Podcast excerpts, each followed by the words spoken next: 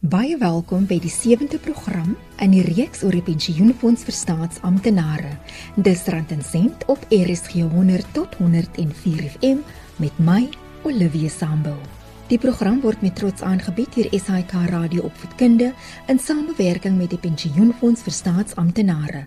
SAK Opvoedkunde vir ryk denke, vir ryk lewens. Lede van die pensioenfonds wil om verskeie redes aftree voordat hulle aftree ouderdom bereik. Amelia Hartzenberg van die Agentskap vir Regeringspensioenadministrasie in die Wes-Kaap gee 'n opsomming van wat vervroegde aftrede behels en wat lede in ag moet neem. Wetgewing bepaal jou normale aftree ouderdom. So as jy vroeër as jou normale aftree ouderdom wil op pensioen gaan, dan noem ons dit vervroegde aftrede. So met ander woorde, die wetgewing maak voorsiening dat jy 5 jaar voor normale aftrede ouderdom met vervroegde aftrede kan gaan. Vervroegde aftrede is vanaf ouderdom 55. Maar wat die lede in gedagte moet hou, daar is 'n penalisasie betrokke en dit is 0.33% vir elke maand voor die ouderdom 60. So dit klink bietjie min, maar as jy nou 0.3 3% uitrol oor 1 jaar, is dit gelykstaande aan 4%. Nou as jy 55 is, moet ons die 4% maal met 5 jaar. Wat beteken jy gaan gepenaliseer word 20% in jou enkelbedrag sowel as jou maandelikse pensioen. En daai penalisasie gaan jy nooit weer kan opmaak al is jy nog 'n pensionaris of al lewe jy nog vir die volgende 20 jaar nie. Daai penalisasie gaan altyd daar wees. In die week en ek het 'n navraag gekry om te hoor, luister Amelia, ek het nou met vervroegde aftrede gegaan, maar ek raak nou volgende maand 60, gaan die penalisasie wegval. Die antwoord is nee. Jy gaan lewenslank solank jy 'n pensionaris is, gaan jy dit 20% voel. Reduction. So hoe nader jy aan aftrede ouderdom is natuurlik, hoe kleiner gaan die penalisasie wees. Die penalisasie is 0.33% vir elke maand voor die ouderdom 60. Met ander woorde, as jy 59 is, gaan jou penalisasie net 4% wees. Vervroegde aftrede moet onderhandel word tussen die werkgewer en die werknemer. Die fonds het geen magtiging om daaroor te besluit nie. Vir vervroegde aftrede en normale aftrede, presies dieselfde formule word gebruik, maar met die verskil dat by vervroegde aftrede ons die penalisasie inbring dan moet ek ook net byvoeg en dit is baie baie belangrik dat ons um, luisteraars dit verstaan. Vervroegde aftrede word bepaal deur die werkgewer en die werknemer. Dit is nie 'n aangeleentheid vir die fonds om te sê ja, jy mag met vervroegde aftrede gaan of jy mag nie. Indien 'n werknemer met vervroegde aftrede wil gaan, moet hy of sy sy werkgewer vra: "Luister, ek wil baie graag op vervroegde aftrede gaan. Wat is die moontlikheid? Die werkgewer gaan dit goedkeur of afkeur. Indien dit goedgekeur word, kan hulle dit op twee maniere goedkeur. Hulle kan sê, "Goed, jy was 'n goeie werker gewees. Jy mag gaan." En ons gaan die penalty, daai penalisasie, gaan die werkgewer betaal namens hierdie werknemer. So met ander woorde, jy kan afgaan sonder penalisasie. Al waai jy op ouderdom 55, gaan GEPF vir jou betaal asof jy tot 60 toe gewerk het. Met die verskil, die werkgewer gaan die penalisasie betaal. Ons praat van employee liability. Baie mense kom na ons instapdiensentrum of hulle kontak vir my om te vra Amelia, mag ek met my vrugte aftrede gaan? Ek weet nie. Ons prosesseer wat ons kry. So met ander woorde as die uitdienstree reël vervroegde aftrede met penalisasie is, dit is hoe ons gaan betaal. As die uitdienstree reël vervroegde aftrede sonder penalisasie is, gaan ons die lid 'n volle voordeel betaal. En die departement gaan 'n briefie in die pos kry na die tyd om te sê omdat hierdie persoon met vervroegde aftrede sonder penalisasie gegaan het, jy skuld vir ons X bedrag. Want op die ouente van die dag is gaan my werkgewer my vervroegde aftrede goedkeur ja of nee? Indien hulle dit goedkeur, hoe gaan hulle dit goedkeur? Wat is die lid se opsies as die werkgewer die aansoek vir vervroegde aftrede weier? Weet jy, dit is grootendeels um hang af van wat die lid gaan doen. Partykeer dan besluit hulle om maar deur te druk tot ouderdom 60 toe of partykeer dan aanvaar hulle die vervroegde aftrede met die penalisasie of van hulle bedank net. Want weet jy, partykeer kan die lede nie meer nie, die omstandighede. Nou moet die persoon nou 'n keuse maak, gaan ek bly of gaan ek gly? Wat hulle ook net in gedagte moet hou is die finansiële implikasie. Een van my oud kollegas het altyd gesê, "Oumilia, vra die persoon of hy kan bekostig om met hierdie verlaagde pensioen oor die weg te kom." op 'n maandelikse basis. Kyk, ons is nie finansiële adviseurs nie en ons moet probeer om hierdie inligting so maklik as moontlik oor te dra. So dan sê ek maar altyd, luister as ek gewoond is aan 'n choppie elke maand of elke aand eet, wil ek nou darm nou nie net 'n stukkie wors elke aand eet nie. So gaan maak jou sommetjies. Kyk wat jy nodig het. Jy weet wat jy elke maand moet betaal. Ek weet nie en ek voorsien jou van die syfers sodat jy 'n ingeligte besluit kan maak. So die grootste vraag is, kan jy dit bekostig, daai penalisasie? Die voordele vir vervroegde aftrede is dieselfde as die vir normale aftrede. As ons praat van voordele by aftrede, nê, of dit nou normale aftrede of vervroegde aftrede is, die voordele se kondisies bly dieselfde. Indien jy wil aangaan met jou mediese fonds, dit maak nie saak of dit 'n vervroegde of 'n normale aftreeouderdom is nie. Die voorwaardes bly dieselfde. Jy moet ten minste 15 goewermentdiensjare gehad het. Dit hoef nie aan eenlopend te gewees het nie. En nommer 2 is jy moes die hooflid gewees het van 'n goedgekeurde mediese fonds vir ten minste 12 maande voor jou uitdienstree datum. So dit verskil nie. Jy behou jou begrafnisdekking indien jy 'n pensionaris is van ons. Indien jy tot sterwe kom as 'n pensionaris, het sy jy afgetree normaal of vervroeg, indien jy oorblywende gade het, die gade gaan 'n maandelikse pensioen kry. Indien jy minderjarige kinders het, as jy tot sterwe kom, die kinders gaan 'n kinderpensioen kry. So die voordele is basies dieselfde, het sy dit vervroeg of normale aftree ouderdom afgegaan het. Een van die redes hoekom jou aansoek afgekeur word, is iets so klein soos jou ID-foto. Deesdae ek weet nie hoekom nie, het ons soveel probleme met IDs omdat ons gekoppel is aan departement Home Affairs. Gee mense partykeer ou IDs in.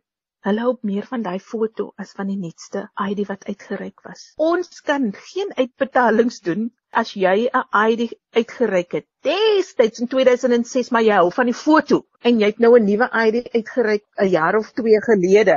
So, asseblief mense, indien julle nuwe ID het, as Home Affairs sê laaste ID was uitgereik 1/5/2020, ons soek daai ID asseblief. Lede van die pensioenfonds vir staatsamptenare kom in aanmerking vir verskeie voordele. Die voordele word bereken volgens 'n sekere formule. Omilia Hartzenberg van die Agentskap vir Regeringspensioenadministrasie verduidelik hoe die berekeninge gedoen word. Die normale aftree formule is 6.72% maal jou pensioengewende diensjare maal jou gemiddelde salarisskaal. Dit is as jy standaard aftree opsie gekies het. Maar sodra jy sê gee vir my vrou 'n verhoogde of vir my gade 'n verhoogde pensioen, dan was dit verminder na 5.85. So die 6.72 was verander na 5.85. Dit is in die verlede, dis nog voor 1 November 2019. Dit was die enkel bedrag. Of die maandelikse pensioen was gewees 1 oor 55 maal jou pensioengewende diensjare maal jou gemiddelde salarisskaal plus R360. Dit is hoe jou maandelikse pensioen bereken word as jy op die standaard opsie afgaan. Met ander woorde, die standaard opsie is sou jy afsterf as 'n pensionaris gaan jy oorblywende gade 50% kry van jou maandelikse pensioen. Maar jy voel mos nou jy so lief vir jou gade, hy of sy moet meer geld kry en jy het gekies 75%. So 'n persoon moet dan 'n verdere opsie maak. Gaan hy of sy by aftrede 'n kleiner enkelbedrag neem of 'n kleiner maandelikse pensioen neem? So hierdie keusevorm wat jy as lid voltooi by aftrede, sê jy 50% of 75%. Indien dit 75% is, is daar nog 'n vraagie, dan vra ons, gaan jy 'n kleiner enkelbedrag of 'n kleiner maandelikse pensioen neem? Nou sê die lid vir ons, ek gaan 'n kleiner enkelbedrag neem. Dan het ek mos nog gesê dat 6.72 word verminder na 5.85%. Of die persoon sê, los my enkelbedrag, ek gaan 'n kleiner maandelikse pensioen neem. Die 1 oor 55 verander dan na nou 1 oor 57. Dit is hoe dit was voor 1/11/2019. Op 1 November 2019 het nuwe wetgewing in werking getree wat die volgende sê: Wanneer my lid 'n opsie maak by aftrede vir 'n verhoogde pensioen vir sy of haar oorblywende gade, sal hy of sy tot sterwe kom as 'n pensionaris. Is hierdie berekening nou gekoppel aan die lid se gade se geboortedatum?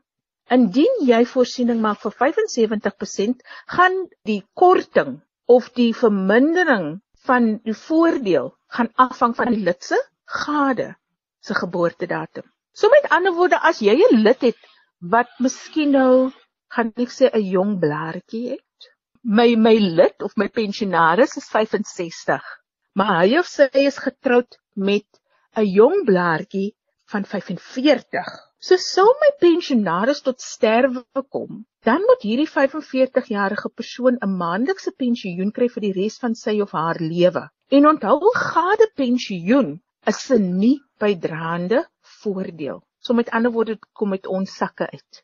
Hoe jonger die blaartjie is, hoe groter gaan die korting wees in die enkelbedrag of die maandelikse pensioen. Dit is 'n aktuariële berekening wat gedoen word by aftrede. So wanneer die persoon nou 75% sê en hy sê op die aftreevormpie enkelbedrag moet verminder word, dan kry ons die vorms Ons doen die aktuariële berekening en dan stuur ons die kwotasie dan aan die lid om te sê luister jy het nog 75 opsie gekies. Hier is die rand en sent van hoe dit jou gaan affekteer. Hoe jou enkelbedrag of maandelikse pensioen verminder gaan word. Nou moet jy weer 'n keuse maak om te sê ja, ek aanvaar dit. Want jy kan mos nie blindelings so 'n keuse maak as jy nie weet hoe dit jou finansiëel gaan affekteer nie. Verskeie dokumente moet ingevul word. Jy as lid moet egter seker maak dat daar geen foute op die dokumente is nie, want die kleinste foutjie kan daartoe lei dat jou aansoek nie aanvaar word nie. Die departement gaan invul die hoofdokument. Dit is die Z102, so die lid hoef glad nie daaroor bekommerd te wees nie. Dit is 'n elektroniese proses. Die lid gaan vir my voltooi 'n bankvorm Z894. Hierdie vorm mag geen foute op het nie. Dit word gedeeltelik deur die bank voltooi van die lid, 'n duidelike stamp, duimafdruk, handtekening. Baie belangrik, al die vorms wat die lid moet voltooi, die handtekeninge moet dieselfde lyk. Die eerste vorm is 'n Z894, geen foute nie. Die tweede vorm gaan wees 'n Z864. Dit is nou jou persoonlike inligting waar jy sê jy's getroud of jy's geskei, Pietie is my man, ek het 5 afhanklikes, weer eens geen foute nie asseblief. Dan baie baie belangrike vorm. Die keusevorm, aftreekeusevorm. Dit is 'n vorm waar die lid 'n indikasie gee van indien ek as 'n pensionaris tot sterwe kom, my oorblywende gade moet dan 50 of 75% van my maandelikse pensioen kry. Dis 'n baie baie belangrike vorm. Met trane in ons oë vra ons ook vir nominasievorms. So as jy aftree, is dit 'n bonus as ons jou huidige nominasievorm in die hande kan kry saam met die uitdienstrede. Want onthou jou maandelikse pensioen is gewaarborg vir 5 jaar. Indien jy tot sterwe kom binne die eerste 5 jaar nadat jy uit diens uitgetree het, moet ons die 5 jaar balans uitbetaal aan die persone wie jy genomineer het. Dit is absoluut fantasties as die lede vir ons 'n nominasievorm inhandig saam met die uitdienstree vorms. Dan 'n Z583.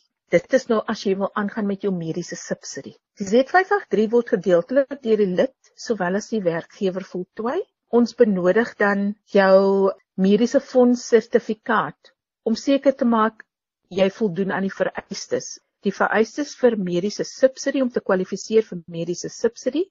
vir normale en vervroegde aftreeouderdom. Jy moet ten minste 15 goewermentdiensjare gehad het en jy moes die hooflid gewees het van 'n goedgekeurde mediese fonds vir ten minste 12 aaneenlopende maande voor jou uitdienstree datum. Dan is daar 'n laaste vorm wat jy ook moet invul. Departementele skuld. Die GPF se wetgewing maak voorsiening dat ons departementele skuld mag aftrek van 'n lid se voordeel af.